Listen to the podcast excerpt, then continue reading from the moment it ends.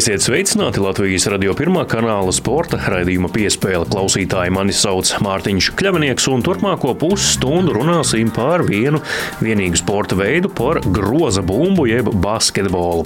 Oranžā bumba dominēs visu šo raidījumu pusstundu, un divi galvenie temati izcelsies šī raidījuma laikā, un tie būs nulikā pasaules basketbola slavas zālē ASV Springfieldā uzņemtie izcilnieki, kuru vidū ir arī arī kāda latvieta. Savukārt raidījuma otrajā daļā runāsim par nu jau leģendāro šogad 28. reizi notiekošo Alfreda Kraukļa piemiņas turnīru basketbolā. Bet tas viss jau pēc pavisam īsa brīža.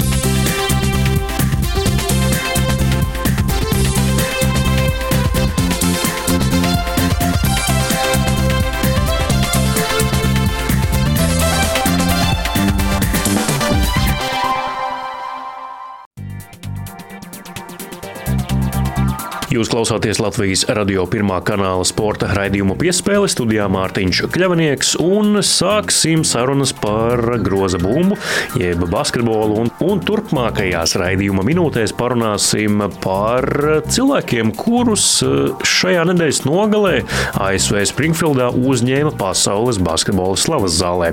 Viens no tiem bija leģendārais serps Vladi Divats, kura iespaidīgo stāvu iespējams atceras vēl daudzi, kuri 90 gados un 2000. gadu sākumā vēroja pasaules mēroga basketbola spēles. Savukārt ne par viņu runāsim šajā raidījumā, bet par kādu latvieti, kuru arī šajā nedēļas nogalē Springfieldā uzņēma pasaules basketbola slavas zālē. Lai gan ne tiešā veidā, jo piemēram pirms 26 gadiem pasaules basketbola slavas zālē uzņēma leģendāro Uljanu Semjonovu. Viņa kāpa uz skatuves, teica runu jau ar leģendāro frāzi I love this game, jeb es mīlu šo spēli. Tomēr šoreiz Latvija tika uzņemta kā komandas, proti Vēlānas Baptistu Universitātes ASV sastāvdaļa, arī absolvente, reiz spēlējusi šīs universitātes basketbola komandā. Tā ir Edīte Biteniece, ar kuru arī sazinājos par to, kāda bija atmosfēra Springfieldā šīs ceremonijas laikā. Tas ir ļoti pašsaprotami, kad Latvijas sauc, tad tur nav variantu. Tu vienmēr saki, ka jā. Cenšos katru spēli palikt labāks, katru spēli augt. Tad, kad jau ir uh, sezonas beigas un, un starpsezona, tad tu vari palikt reāli labāks spēlētājs. Latvijas radio pirmā kanāla sporta raidījums piespēle turpinās. Studijā es Mārtiņš Kļavinieks, un e, šī nedēļas nogale ir zīmīga ar to, ka pasaules basketbola slavas zālē Amerikas Savienotajās valstīs Springfieldā atkal tika uzņemti jauni biedri, un e, to vidū arī leģendārais serps Vlada Divats, piemēram. Nu, bet starp viņiem, e, jāsaka tā, nebūs melots, ja tiks teikts, ka tika uzņemta arī kāda latvieta. Nu, varbūt ne personīgi, bet pastarpināt uzņemt šoreiz, kā reiz absolvējusi Veilandes Baptistu Universitāti Amerikas Savienotajās valstīs, Teksasas štatā, un tā ir Latvieta Edīte Biteniete. Sveiki, Edīte, tur tālāk Amerikā! Sveiki, sveiki! Vai es nemaldināju klausītājus sakot, ka vēl viena latvieta ir uzņemta basketbola slavas zālē? Nu, jūtos glaimot tādus vārdus dzirdot, eh, protams, kā jau pats minēja, neesmu tā, kas tika uzņemta, bet bet esmu daļa no komandas un, un tā kā biju klāt un lepni piedalījos, piedalījos šajā ceremonijā šodien. Tu esi šīs universitātes absolvente. Varbūt pastāst radio klausītājiem, pirms cik gadiem tas notika un cik ilgu laiku tu tur pavadīji? Jā, es absolvēju universitāti 2010. gadā. Es tur nomācījos un, un spēlēju piecus gadus kopā. Ļoti plaša un ļoti sena, tā saucamā NAIA līga ir mazāk, mazāk izmēra, jā, cita divīzija nekā tā NCAA. Bet tāpat tās ļoti plaši pa visu, jā, pa visu pasauli. Jā, komandā ir ļoti, ļoti plaša vēsture, ļoti interesanta. Viņa bija viena no vispār sieviešu tādām Amerikā, toreiz vēl tāda sieviešu NBA arī nebija. Uh, Un tad eh, sieviešu universitātes basketbols bija augstākais, augstākais līmenis, un, eh, un tad viņi bija viena no pirmajām, kas sāka eh, šo visu pulcēt sievietes kopā un pulcēja milzīgus skatītāju pūļus. Viņiem ir 131 uzvar pēc kārtas. Tas ir tas lielais rekords, kas ir bijis sasniegts, un 19 čempionu tituli. Mūsu daudz vienkārši par Flying Queens, tāpēc, ka Hutchersons tas ir kungs, kurš bija tas, kas paņēma savā paspārnē šīs, sieviešu basketbolu Viņš bija ietekmīgs biznesmenis savā laikā, un viņš bija kā komandas sponsors. Viņam bija savējā lidosta ar mazajām lidmašīnām, un meitenes kļuva par flying queens, tāpēc, ka viņas lidoja uz visām spēlēm ar tām Hutchersona mazajām lidmašīnām.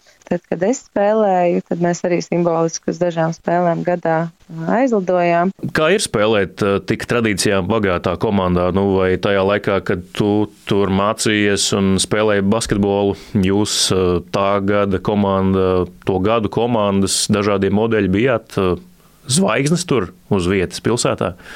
Nu, tā kā tā bija salīdzinoši mazpilsēta, tad visi zināja, nu, kas ir Flying Queens, un, un ļoti daudzi nāca atbalstīt, kas kas bija uzauguši kopā ar to, to komandu. Un, un vispār tā vēsture tur bija turēta tāda ļoti svēta. Arī, kad mēs atnācām, tika stāstīts vispār to komandas vēsturi, un viņām bija ļoti tāda um, interesants tāds iesildīšanās veids, kas bija turpināts kopš 40. Uh, gadiem, kad šī komanda aizsākās. Tur bija tādi bija jāiet priekšā un jārāda katrai meitenei kaut kāds basketbola triks, un tāda, tāda iesildīšanās nebija nevienam valstī. Uh, Un tad mēs arī, viņi bija speciāli jāmācās, un tad cilvēki arī, nu, senākos laikos nāca stundu ātrāk, lai tikai skatītos, kā, kā meitenes iesildās un rāda dažādas trikus. Un tagad šī komanda ir daļa no mm, pasaules basketbola slavas zāles. Pastāst, no Amerikā viss ir šovs, vai arī uzņemšana slavas zālē bija šovs?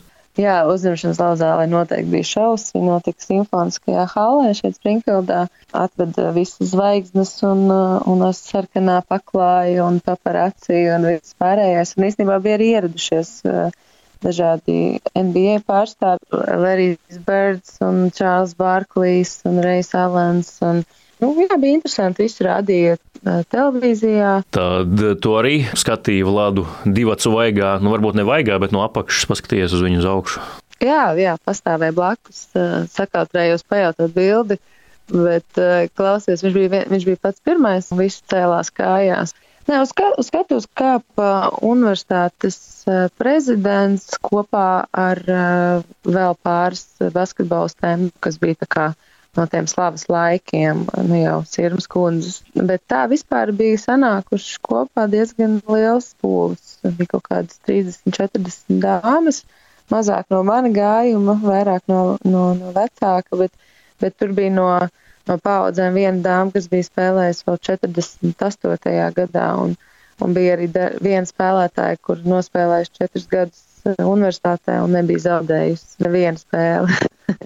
Edita, tātad tu esi daļa no šī brīža vēstures, jau basketbola vēstures kopā ar leģendāriem cilvēkiem šajā brīdī jau bijusi vienā telpā un ceremonijā, bet pirms 26 gadiem tur uz tās pašas skatuves, tajā pašā slavas zālē kā par Julianu Semjonovu. Tā kā, nu, tas arī droši vien tā interesanti ar šādu laika atstarpi, ka divas latvietas ir tur. Jā, tas ir interesanti. Un rītā es tikšu līdz tam pašam uh, muzejam, kur ir arī Uljāns Cimjānovs tā izstādītais tērps un uh, noteikti aiziešu apskatīties. Te iedeva tā kā tādu ierbuku saucamo, pa gadu grāmatu, tā kā žurnāls ar visiem tiem, kas bijuši gan pa viņu vēsturi, gan pašiem un plastikāta zelta biļeta un, un mūs, mums bija universitātē atsevišķi pēc tam bankets.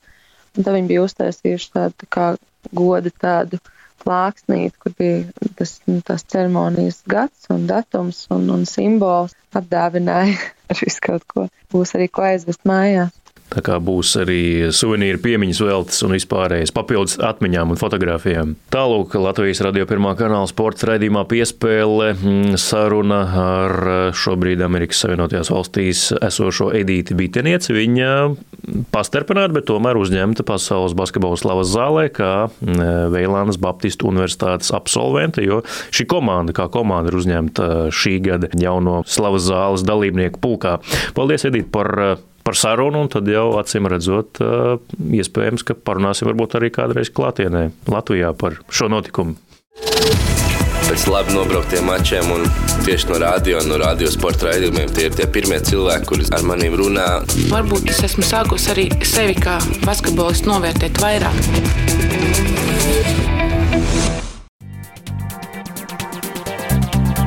Turpina skanēt Latvijas radio pirmā kanāla sporta raidījums piespēle studijā Mārtiņš Kļavinieks. Basketbols nebeidzas, arī sarunas par basketbolu šajā raidījumā piespēle turpinās, un turpinājumā runāsim par leģendāro Alfrēda Kraukļa piemiņas turnīru basketbolā jauniešiem, un šogad tas notiks jau 28. reizi un sāksies 14.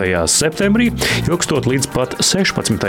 septembrim. Bet, lai vairāk uzzinātu par šī gada turnīra norisi un arī kopumā par konkrēto sacensību vēsturi, studijā aicināju divus Jāņus - turnīra pamatlicēju leģendāro basketbola treneri Jāni Rimbenieku un arī šī brīža galveno turnīra rīkotāju Jāni Labucu.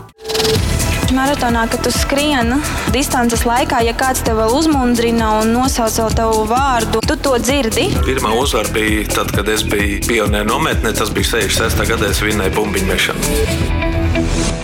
Latvijas radio pirmā kanāla sporta raidījums piespēle turpinās. Studijā es Mārtiņš Kļavinieks, un šobrīd man šeit pie studijas galda un mikrofoniem pievienojušies divi Jāņi - basketbola treneris Jānis Rimbenieks un arī Alfreda Kraukļa piemiņas turnīra rīkotājs Jānis Labuts.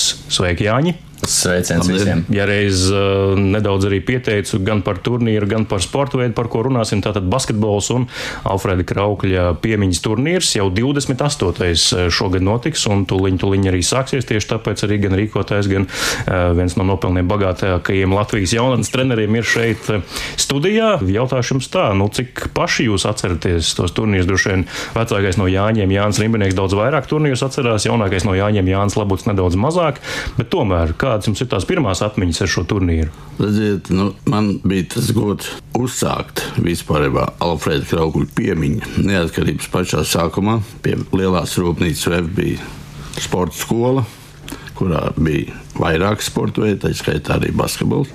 Ja, tā kā tad viss sāka likvidēties, un bija arī cilvēki, kas gribēja šo basketbolu skolu likvidēt un varbūt pārņemt savā paspārnē. Mums par laimi, un varbūt Alfrēda Kraukļa tuviniekiem par nelaimi, tajā laikā pirms 80. dzimšanas dienas Alfrēds Krauklis nomira. Pārunājot ar viņu tuviniekiem, ameitu, mazmeitām, aicinājām un lūdzām atļauju VF sporta skolu turpmāk nosaukt Alfrēda Kraukļa basketbola skolas vārdā. Alfrēda Kraukļa vai basketbola skola. Žēl tikai, ka 2009. gadā juridiski šī basketbola skola tika likvidēta. Es pie šī turnīra un visas organizēšanas esmu klāt no pirmās minūtes. Tātad Alfrēds Krauklis šobrīd dzīvo um, nevis caur basketbola skolu, bet caur šo turnīru. Turnīra gaitā tika nodibināta Alfrēda Kraukļa piemiņas fonds. Un Alfrēda Kraukļa piemiņas fonds sadarbojoties ar Rīgas domu, sadarbojoties ar labvēlīgiem, šo turnīru uztur un organizē. Jāni, otrs Jānis, Jānis Labuts. Jā. Jāni, cik uh, ilgi jau tu esi pie uh, šī turnīra rīkošanas galvenajām svirām klāt? Jā, nu man bija, man bija viss tā, ka es šajā turnīrā pats spēlēju, jo kādreiz, kad es uh, trenējos Alfrēda Kraukļevef basketbola skolā savu treneru Jāņa Rīmanieku pavadībā, pēc tam apmēram tas bija kāds 2012. 13. gads, kad Jānis Rīmanieks man uzaicināja uzaicināja būt par galveno tiesnesi šajās, eh, šajās sacensībās, jo es pats arī tajā laikā aktīvi eh, nodarbojos ar basketbalu tiesāšanu. Un, uh, tas bija laikam tāds uh, sākuma posms, kur Jānis laikam pārbaudīja manas spējas organizatoriskās, ko es varu un ko es nevaru. Ka kaut kādā brīdī nu, turnīrs nu, paliks kādam, kam tas būs jāorganizē vai nē. Nu, tad, laikam, tad tas bija tas laiks, kad Jānis sāk man pārbaudīt. Nu, es laikam to pārbaudu veiksmīgi izturēju, cik es saprotu. un, un, ja joprojām esmu šeit, tad jā, jā, esmu šeit pie šī galda. Pirms trim gadiem tad uh, Jānis līdz ar 25. turnīra uh, noslēgumu galvenās vadības uh, turnīra organizatoriskās sviras jānodeva manās rokās. Jānis Ziemanēks joprojām stāv šim turnīram blakus ar savu palīdzīgo roku un ar savu padomu, jo nu, 25 gadus organizējot turnīru, tur tomēr ir šādas tādas iestrādes, ko man kā jaunajam galvenajam organizatoram nāks pamācīties un, un, un paskatīties, kā lietas būtu jādara. Cik reižu pirmajā gadā zvanīja trenerim un prasīja, Jāni, ir ziepes? Labs jautājums. Es viņam vēl joprojām dažreiz piezvanu un pasaku, ka Jānis ir ziepes. Bet kaut kā šajos gados, jā, no tām ziepēm vienmēr ir veiksmīgi esam izkūlušies ārā un tās ziepes pataisījuši pa kaut ko citu. Un par tām ziepēm runājot, redziet, ne jau es viens biju pie tās lielās organizēšanas. Basketbola skolai bija direktora Gunta Strasdiņa, un mēs kopīgi to visu lietu darījām. Mums bija arī galvenā sekretāra. Pirmo gadu šogad nebūs kā galvenā sekretāra Sarmīta Čapa. Nu, laiks iet uz priekšu, gadi mainās un jādod uh, ceļš jaunākiem, talantīgākiem šā laika, varbūt uh, pielāgotiem darbotājiem. Ja? Pirmais turnīrs iesākās ar pieminiektu atklāšanu Alfreda Kraukuļa pieminiektu viņa kapvietā pirmajos meža kapos. Toreiz ļoti lielu dalību ņēma arī Latvijas radio žurnālists Gunārs Jāgapsons, tāpatās Inita Kreiskatkovska. Daudz turnīros ir piedalījusies, un, nu, un tad, kad laiks gāja, tad 25. turnīra laikā mēs ar Guntu nolēmām, ka lēnām mums vajadzētu jaunos iesaistīt, lai tas turnīrs neapstātos. Šogad 28. reize, kad turnīrs jau norisināsies, varbūt abi viens otru papildinot, uh, var pastāstīt, kas tad šogad no jauna jauninājums un kas palicis vecais, labais un jau labi darbojošais iestrādātais. Jā, nu, jāsaka tā, ka šo trīs gadu laikā no 25. līdz šim gadam, līdz 28. turnīram, mēs esam pakāpeniski pievienojuši arī meiteņu grupas Alfreda Krauka piemiņas turnīram, jo vienmēr vienmēr eh, pirmos 25 gadus tas ir bijis tikai puikas grupām basketbola turnīrs. Un eh, šogad ir pirmais gads, kad eh, ir gan sešas puikas grupas, gan sešas meiteņu vecuma grupas. Pirmo reizi kaut kas tāds, un arī šogad pirmo reizi ir tik plaši Eiropas geogrāfiskajā līmenī pārstāvēts valsts Alfreda Krauka piemiņas turnīrā. Desmit valstis ir pārstāvēts - Lietuva, Igaunija, Krievija, Baltkrievija, Ukraina, Polija, Zviedrija, Dānija un eksotiskākā valsts laikam ir Turcija. Protams, arī Latvija. Ļoti žēl, ka tomēr viena komanda, kas bija nu, no tiešām tāliem apvāršņiem pie mums pieteikusies, tā bija Indijas komanda bet viņi kaut kur tajā pieteikuma laikā pazuda no tā apgājuma. Un, un, diemžēl, Indijas komanda šogad vēl neatbrauks, bet, nu, kas zina, varbūt nākamgad. Un kā viņi atrod šo turnīru, piemēram, nu, par indiešiem droši vien mēs nezinām, bet, piemēram, zviedri, lietuvieši, viņi seko varbūt citām savu vecumu komandām, kuras iepriekš ir piedalījušās, vai blakus kaimiņu valstu komandām, kuras ir piedalījušās, vai arī jūs kaut kā reklamējat šo turnīru. Nu, mums ir eh, komandu e-pastu datu bāze diezgan milzīga pa visu Eiropu. Mēs esam savākuši ļoti daudz komandu kontaktus, un eh, katrai komandai tiek aizsūtīts ielūgums pieteikties uz šo turnīru jau dažus mēnešus pirms turnīra, protams, lai komandas var apdomāt šo piedalīšanos. Tas notiek tādā veidā. Protams, arī telefoniski un eh, saviem vecajiem cīņu biedriem, kas brauc no jau pastāvīgu šo turnīru, tiek piezvanīts vienkārši telefoniski, un viņi praktiski uzreiz pasaka, jā, mēs brauksim, pateiksim tikai ar cik komandām, un mm. arī tāds notiek. Tā nu mūsu basketbola novirziena Alfrēda Kraukļa vai basketbola treneri jau arī piedalās daudzās starptautiskās sacensībās un uzturot kontakts ar, ar citu valstu kolēģiem, tiek informēti. Ja? Līdz ar to tā informācija jau noiet ātri. Ja? Mums tikai visās šo gadu garumā ļoti problemātiski. Mums vajadzēja izmainīt šogad termiņus. Kad, jā, jau pagājušajā gadā tas bija oktobrī. Nu, jā, jo jūs saprotat, sākumā pats sākums mums bija vēlēšanās Alfrēda Kraukuļa uh, miršanas uh, datumos. Ja? Viņš mirst 17. novembrī. Bet uh, tad mēs atradām, kad ir oktobrī ir skolniekiem brīvlaiks.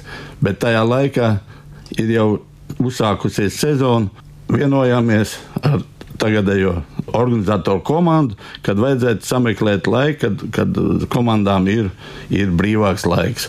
Par meiteņu komandu iekļaušanu, tāpēc tas nāca vairāk tāds. Uh, aizrādījums, ne, bet varbūt priekšlikums no Alfrēda Kraukļa meitas, Māras Šulces kundzes, kad Alfrēds Krauklis savā treneru gaitās ir arī strādājis ar sieviešu komandu. Tas mums uh, bija tāds uh, tāds starta šāviens, ka mums mēģinājām un sākām iesaistīt arī meiteņu, pakāpeniski meiteņu komandu. Vēl tāds divi svarīgi punkti. Šogad uh, pirmo reizi arī varēs dalībnieki ar savām dalībnieku kartēm uh, gan apskatīt Rīgas zooloģisko dārzu, gan Rīgas motoru muzeju bez maksas. Svarīgi ir tas, ka mēs tam turnīram cenšamies arī iedot tādu papildus pievienoto vērtību. Un uh, tā papildus pievienotā vērtība arī jau šogad otro gadu uh, tiek virzīta caur diviem ļoti lieliem Latvijas uzņēmumiem - caur valsts akciju sabiedrību Latvijas dzelzceļš un caur akciju sabiedrību GASO, kas um, principā turnīra laikā nodrošina reklāmas tādus, um, tie principā ir informatīvā kampaņa. Tā viņi varētu nosaukt par drošības informatīvo kampaņu, informējot jauniešu turnīra dalībniekus par uh, drošības lietām. Protams, ka Latvijas dzelzceļš stāsta par drošību dzelzceļa tūmā, un uh, akcijas sabiedrība GASO runā par gāzes drošību, drošu rīkošanos ar gāzes ierīcēm. Līdz ar to uh, pozitīvi ir tas, ka jā, tieši papildus tai basketbola spēlēšanai, kas, protams, ir visa, visa pamatā un fundaments šim turnīram, ka tiek tomēr domāts arī par tādām papildus lietām, lai tie jaunieši var attīstīties gan sociāli, pilnveidoties, aizejot uz zooloģisko dārzu kopā, komandas darbu, komandas garu uzlabot, gan arī runājot par drošību, lai viņiem ārpus turnīra pēc tam aizejot mājās, tomēr kaut kas paliek atmiņā, ne tikai basketbols. Tāds komplekss, sociāli, sportiski, kultūrāls pasākums. Tā varētu teikt, jā. Tu no rīkotāju skatu punkta, kā tu redzi, cik tev ir liela teikt, izdoma. Katru gadu ar vienu jāpieliek lielāka izdoma tajā, kā piesaistīt komandas. Vai, vai tā ir, vai tomēr, vai tomēr nē, vai tomēr uz, pašiem, uz tām pašām sliedēm tu vari izbraukt katru gadu. Ļoti labs jautājums patiesībā, jo tā arī ir, ka katru gadu ir jādomā kaut kas jauns, kaut kas, kā piesaistīt komandas. Jo tā atšķirība starp to laiku, kad eh, Jānis ar savu komandu organizēja šo turnīru eh, no sākuma līdz beigām beigām bija druskuļi citādāks, jo tad nebija tik liela konkurence starp vairākiem turnīriem. Šajā gadījumā, un uh, tagad mūsu laikos, ir tā, ka tiešām, kā arī Jānis pirms tam pateica, ka ir daudzi dažādi turnīri uh, gan Latvijā, gan Eiropā, gan uh, sezonas griezumā, gan dažu dienu turnīri. Tā konkurence ir tik milzīga, ka komandas, protams, sāk izvērtēt, uz kuru viņi turnīru brauc, uz kuru viņi nebrauc. Līdz ar to ir jādomā veidi, kādā veidā tiešām tās komandas ieinteresēt un uh, iedot to burkāniņu tam zaķītim, ne, lai viņš atnāk pie tevis un uzspēlē to basketbolu. Par to tiešām ir jādomā, un mēs to domājam. Tās lietas tiešām ir mainījušās. Jā. Turnīrs tātad pagājušajā gadā bija 11 dažādās zālēs, kā ir šogad, vai arī tur ir paplašināšanās veikta. Ja mēs runājam par zālēm, tad zāļu skaits jā, šogad būs lielāks. Tas būs 16 sporta zāles, bet tās būs uh, 12 sporta bāzes. Jo nu, vairākās sporta bāzēs ir pa divām zālēm, un tad mums sanāk vienkārši, ka šis zāļu skaits nav vienāds ar, ar, ar sporta bāžu uh, skaitu. Bet jā, tās būs 12 sporta bāzes visu turnīru laikā. Fināli šogad pirmo reizi notiks puišu grupām Elektromolimpiskajā sporta centrā blakus arēnai Rīga. Meitenēm fināla spēles tiks spēlētas 16. septembrī, pirmdien Daugos sportamā. Tā kā visi basketbola entuziasti un basketbola cienītāji un īpaši jauniešu sporta cienītāji laipni aicināti, nekādas ieejas maksas varam droši nākt un skatīties praktiski no rīta līdz vēlam vakaram. Par interesi vietējie skatītāji nākušo turnīru apmeklē piepildu tribīnes. Ļoti liela interese ir mazākajās vecuma grupās, jo tur vecāki ļoti aktīvi seko līdzi savu atvašu gaitām, dažreiz varbūt pat pārāk aktīvi iesaistoties un varbūt pat nedaudz traucējot komandu galvenajiem treneriem. Bet tā ir ikdiena vispār jau basketbolā. Jā, un starp citu ne tikai basketbolā, tas vispār Arī sportā. Jā. Sporta veidos, jā. Hokejā, hokejā diezgan līdzīgi notiek. Tā, nu, tas ir saprotams, un tie ir vecāki gal galā, un, protams, ka viņi vēl tikai saviem bērniem visu to labāko un ir ar sirdi un dvēseli par saviem bērniem, bet, jā, jaunākajās vecuma grupās pavisam noteikti zāles bieži vien ir tiešām pārpildītas. Īpaši mazākajās zālēs, kas mums ir ar mazākajām tribīnēm, tur vienmēr ir atmosfēra nu, diezgan skaļa un, un, un es gribētu teikt tāda sportiski, sportiski interesanta atmosfēra. Vecākajās vecuma grupās, nu, protams, tā interese no vecāku puses sāk palikt nedaudz mazāka, bet tā pašā laikā vecāki aktīvi seko līdzi jauniešiem, jauniešu rezultātiem turnīra mājaslapā, kur ir rezultāti arī pieejami. Mēs uh, redzam statistiski, ka turnīra mājaslapā šis skatījumu skaits ļoti, ļoti, ļoti uh, pieaug tieši fināla dienā. Līdz ar to, ka vecāki, protams, ka seko līdzi. Jā. Piemetināšu vēl, ka uh, mums lielāko daļu iepriekšējos gados visas fināla spēles notika Daugavas centrālā sportnamā. Un tā kā jau Jānis jau informēja, kad mazajās grupās skatītāji pieplūdums Daugavas sportnamā bija ļoti liels. Ja, daudz lielāks varbūt, ja kādas komandas, kas spēlē Latvijas augstākā līgā, vai tie, kas spēlē varbūt VTB līgā kādreiz vai ko. Un ne tikai no vietējiem vecākiem, daudzām komandām, gan no Lietuvas, gan no Igaunijas, gan no Zviedrijas un iepriekš arī no Ukrainas mums ir bijuši un ir arī pirms tam spēlējuši komandas no Grūzijas bija. Ja?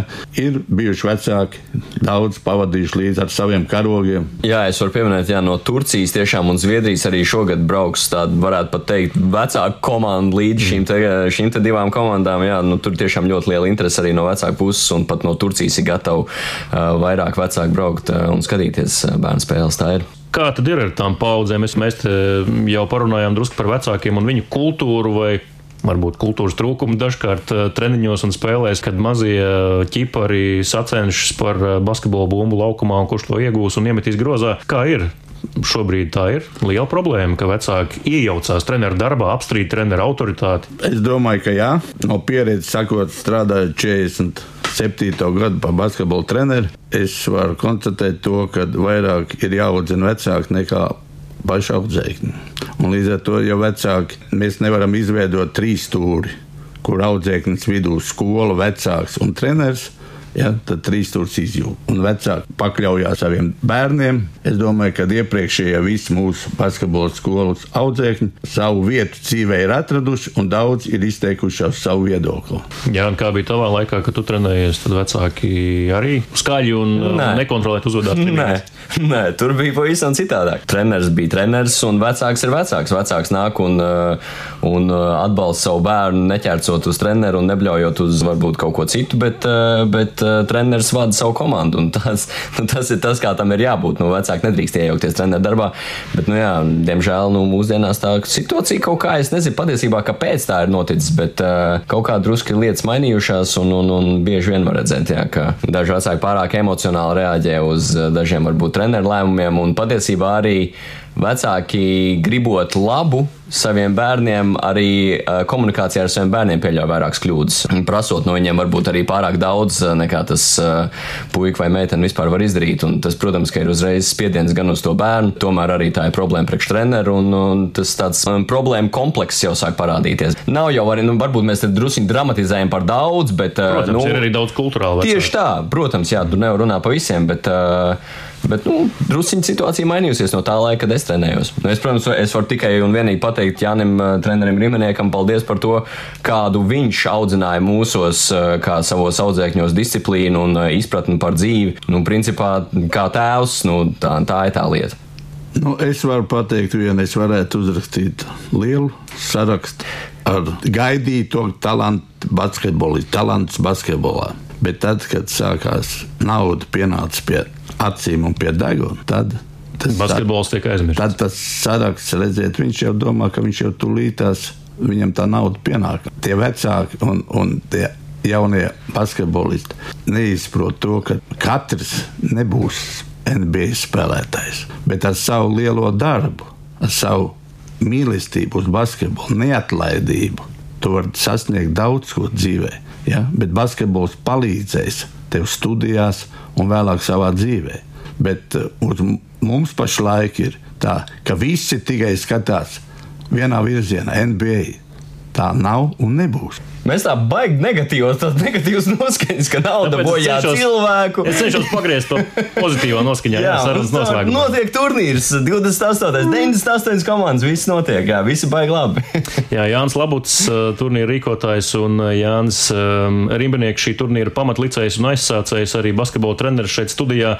Uh, nu tad, kad, kur Vēlreiz Alfrēda Kraukļa piemiņas turnīrs basketbolā, kur klausītāji var doties. Šī gada 14. līdz 16. septembris, sestdien, svētdien, pirmdien, ja ne pirmdien, tad vismaz sestdien, svētdien noteikti var nākt un skatīties turnīru spēles. 84. vidusskola, praktiskās estētikas skola Pļauniekos, Rīgas teiks vidusskola, Latvijas sporta pedagoģijas akadēmija, Rīgas pļaunieku pamatskola, Rīgas Hanzas vidusskola. Šajās visās zālēs un vēl vairākās zālēs noteikti varēs redzēt šīs turnīra afišas un, un, un tad jau var droši doties iekšā un skatīties basketbolu. Tālūk, šodien tāda mums saruna Latvijas radio pirmā kanāla sporta raidījuma piespēlētarā. Saku paldies Jānim Labucam un Jānim Rimbaniekam. Tātad 14. līdz 16. septembris dodamies uz Alfrēda Kraukļa piemiņas turnīru basketbolā, un tur tad arī laukumā iespējams darbībā redzēsiet kādu no jaunajiem NBA spēlētājiem, kurus nākotnē varbūt redzēsim tur uz tās lielās skatuves, jo nu, tur ir spēlējis gan Jānis Tīma, gan Nojārs Siliņš un Jā. citi vēl tagad labi zinām basketbolisti. Andrejs Kiriļenko tur ir spēlējis šī brīža Krievijas basketbola federācijas prezidents un arī bijusi NBA zvaigzne. Tā kā paldies jums, kungi, ka atnācāt šodien uz Latvijas radio, un tad nu, gaidām turnīru, un lai tas norit bez starpgadījumiem, un uh, viss, visi ir apmierināti gan ar sportisko rezultātu, gan ar to, ko Rīgā redzējuši, gan zoodārzā, gan motormuzejā. Paldies! Paldies uz tikšanos turnīrā!